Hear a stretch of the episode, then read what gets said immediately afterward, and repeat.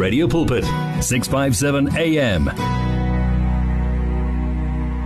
Indeed, our God is greater. Our God is awesome. Our God is good all the time. Beshola Ovashan Michelle. Yeah, isikhathi ke sithi 1449. Uyazi sizothola ke imotivation yosuku and ngiyathemba ukuthi uma uzomotivate namhlanje uzohamba nayo le motivation uqala nje ivike elisha uthole nje uyazi wathatha lamazwi eh wa practice noma ngathi eh, u practice lokho mhlambe o motivate ngakho.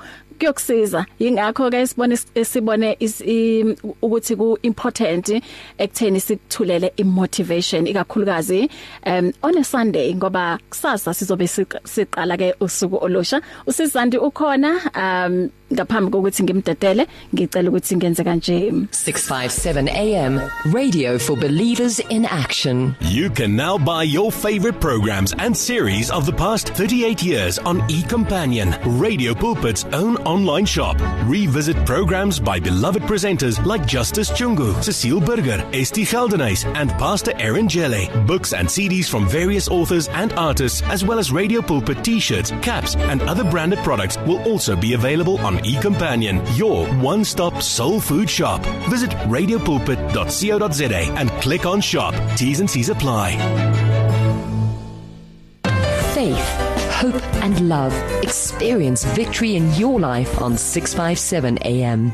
Ilapho sikhona AM 657. Oh angiyibonanga le imessage bazalwane iphuma lapha kumama Ntombi Nhlapo uthi sisibahle um ihubo Psalms 91 ngiyokuthumela ingilozi zikubambe ngesandla noma isiphi isimo ngivuke ngithukuthele kodwa oh ngivuke ngithukuthele eh kodwa ngithe mangilalela intshumayelo uthi ayisisi angazi. Inamandla. Uthi inamandla d-day mamntombi uh, thank you so much ukuthi ke ushare lathi lokho oku experience namuhla um lapho uzwa khona izwi likaNkuluNkulu. Ithi ke sigijime siye lapha ku ku mazwane. Sawubona ma.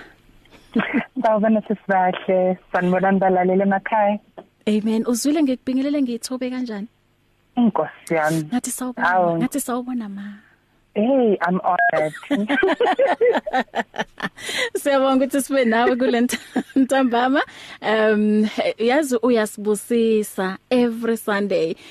Kuzoba buhlungu kimi lapho sithi ke hayi usuku lakho lokugcina. Kodwa ke eh lethuba esanikezwe lona asilisebenzise ukumotivate more. ngicela ubabingelele emakhaya bese uyaqhubeka. Ngibingelele ngokukhethekile abalaleli be-radio pulpit emakhaya. Ah ngiyabonga kakhulu nami. Hey lesikhathi ngiyasijabulela kakhulu.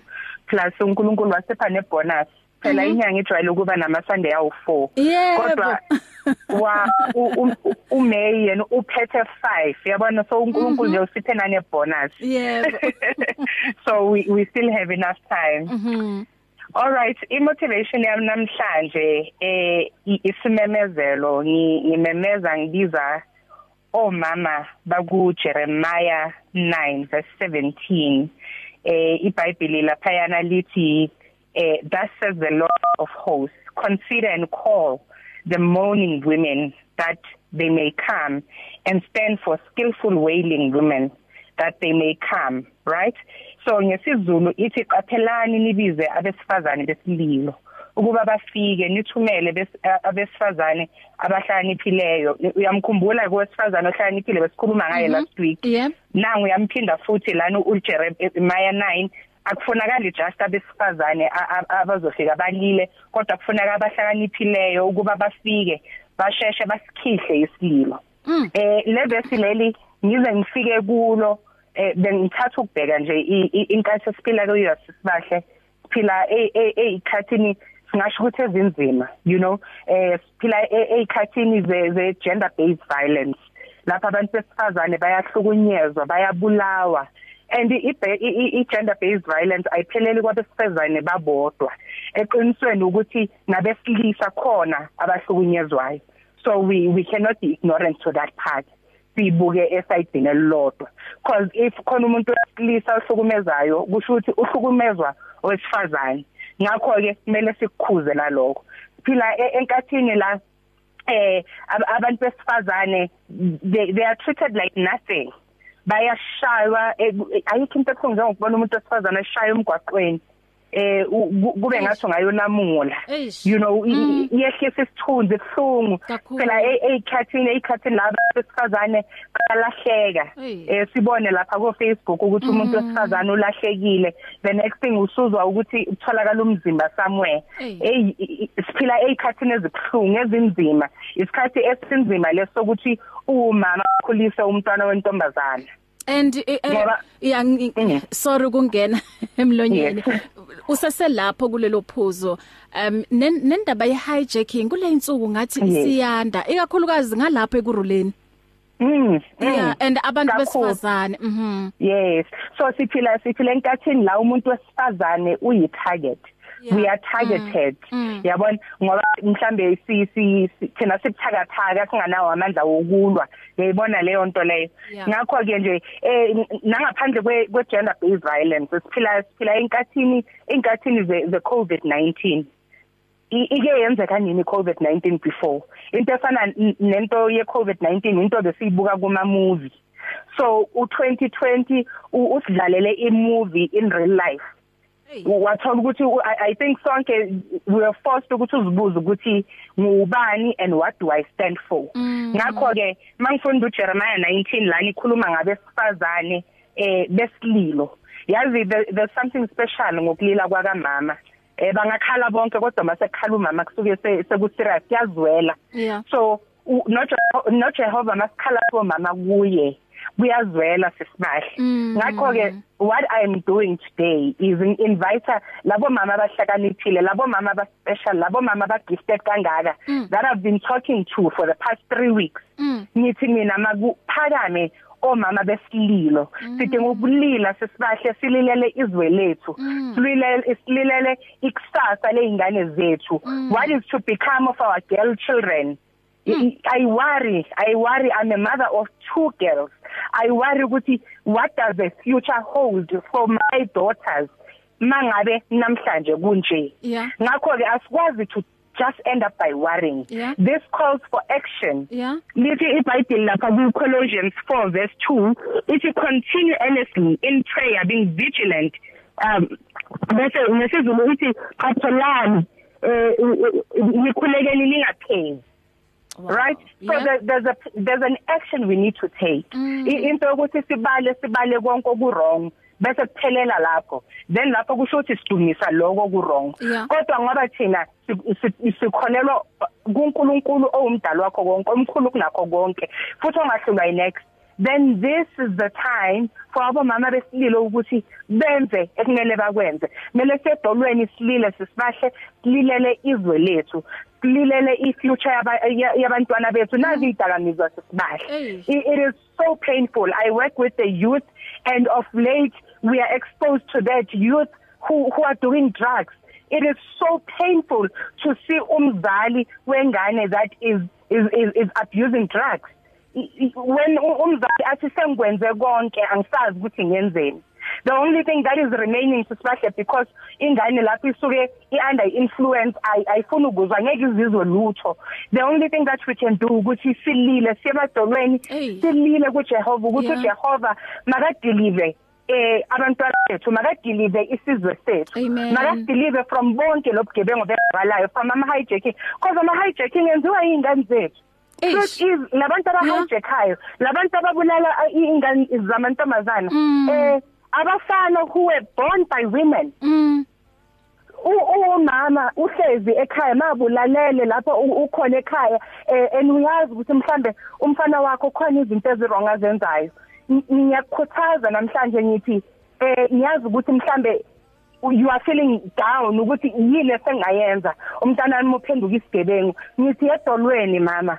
Uyokhala kuJehova Amen. ukuthi uJehova makube wuye osilungiselayo ngoba kekho omunye osekangakwenza Yeah. eh the kids don't listen anymore we feel si powerless Mm. as abazali si feel si powerless as- especially abo mama eh uthola ukuthi uma ukhulisa umntwana omfana ubaba akekho bese u- u- u- umfana akasafuni ukuzwa Mm. eh sekazenzela umthanda kamlalela umama sidinga ukuthi lapho sikhalele kuJehova eh, ekuhuye ubaba ophezulu kwakho konke. Uzokwazi U- uJehova wenze umuntu sisibahle wenze inhliziyo yomuntu wenze ingqondo yomuntu. Ah, ah, wazi wazi umuntu okudlula udoctor hallelujah. Even a neurosurgeon can never understand i-reasoning yomuntu ukudlula uJehova. Therefore nasiye kuyi i- yabona lento le ifana nokuthi uthenge m- masithi u- u- u- u- uthenga imoto uhlobo lwemoto. Yeah. eh akekho umuntu ozowazi leyo moto leyo ukudlula the manufacturer Yeah. so umuntu wenziwe u- u- uNkulunkulu therefore akekho umuntu ozo understand umuntu ukudlula uNkulunkulu Amen. so whenever unesikhalo whenever u- u- udinga usizo ngomuntu the best to to consult uJehova because Hallelujah. uyamazi wazi ngisho nemicabango yaleyo muntu leyo yey wazi yonke into ngaleyo muntu nezinto wena ongazazi izinto ngeke uzu understand therefore namhlanje sisibahle imotivation yami ngithi masisukume so mama khuleke singaphezi. Sikhale. masisukume sabo so mama sikhale kuJehova. Sikhalele izwe lethu sikhalele ingane zethu sikhalele ikusasa leingane zethu because eh lo ingane esikhuluma ngazo they are the future. Eh kusasa sowethi nasidlule emhlabeni kube kuyibo abomama nabo baba. Mangabe ku the way kungakhona manje ikusasa liphetheni ah powerful. Ikusasa lithembise sisibahle mangabe thina so mama angeke sihambe siyokhala kuJehova. Hey, ungathi ngabuya le yanto khumbula ngolosini abomama bebaphuma basabalala Abomama kuma community bomkhuleko, ethu abomama yes. bomkhuleko bangena even Mm. naseyindlini uyazi babagibeli intaba bayokhuleka ungathi Yes. nje ingabuya lento efana naleyo. Abasazilo manje Yebo. sisibahle abasazile abasazilo mama masizileni masihambe sokhala uJehova uJehova uzosiza isikhalo sethu ene Amen. uzosilungisela umhlaba wethu. Amen amen amen. Ngiyayithanda ngempela um le motivation. Mazwani thank you so much. Asiphinde futhi sihlangane next week. Manje utholakala kuphi? Ngitholakala ku WhatsApp ku 071 7250216 ngiphinde futhi u WhatsApp u 071 7250216 ngiyatholakala futhi na ku social media eh igama ngiba uzandi ono y Zandizwane ngikhona ku Facebook ngikhona ku Instagram Amen. Oh Mam Gail Dips uthi I'm listening uh, my sister. Thank you so Yeah. much. God bless you. Ube ne Sunday enhle uhambe uyophumula. ah ngiyabonga ngiyabonga sis ngizokwenza njalo Bless you. Mm, yeah, isikhathi manje sithi 1 after 3 siyabonga ngale motivation enamandla siyithulelwa um go Sisandi Zwani uthi abomama eh abesifazana besililo abahlakaniphileyo siyabadinga eh kule ikhathi zamanje. Asiphumeni bomama em siyokhuleka. Asize kuJehova ngeinyembezi zethu. Ngicela ukuthi ngindlule ngala uma ngibuya ke eh si singenile ku um second hour yohlelo sijula ngezwi. Isikhathi manje sithi 2 after 3 um ngizobuya nge 3 songs in a row. Ungakhohlwa ukuthi sinaye usithandiwe eh, mphofana uzobe nje esherela um, about his musical journey. Ngoba hey lo hambo hayi sizozwa ngaye ithi ngayikhulumi kakhulu mina eh, ngiyenze kanje Reach your customers in the car, at the office, at home, or wherever they are, night or day. Through advertising with Radio Pulpit, you can reach a large, unique, and loyal audience in a most affordable way. With over 500,000 people on our various platforms, from Gauteng to the Cape, you simply cannot go wrong. So advertise today. Contact us on 012 334 1339 or for advertising packages that we offer, go to www.radiopulpit.co.za. Terms and conditions apply. 657 AM, radio for believers in action. If you need prayer, please send your request to prayer at radiopulpit.co.za or WhatsApp 067 429 7564 or go to Radio Pulpit website on www.radiopulpit.co.za.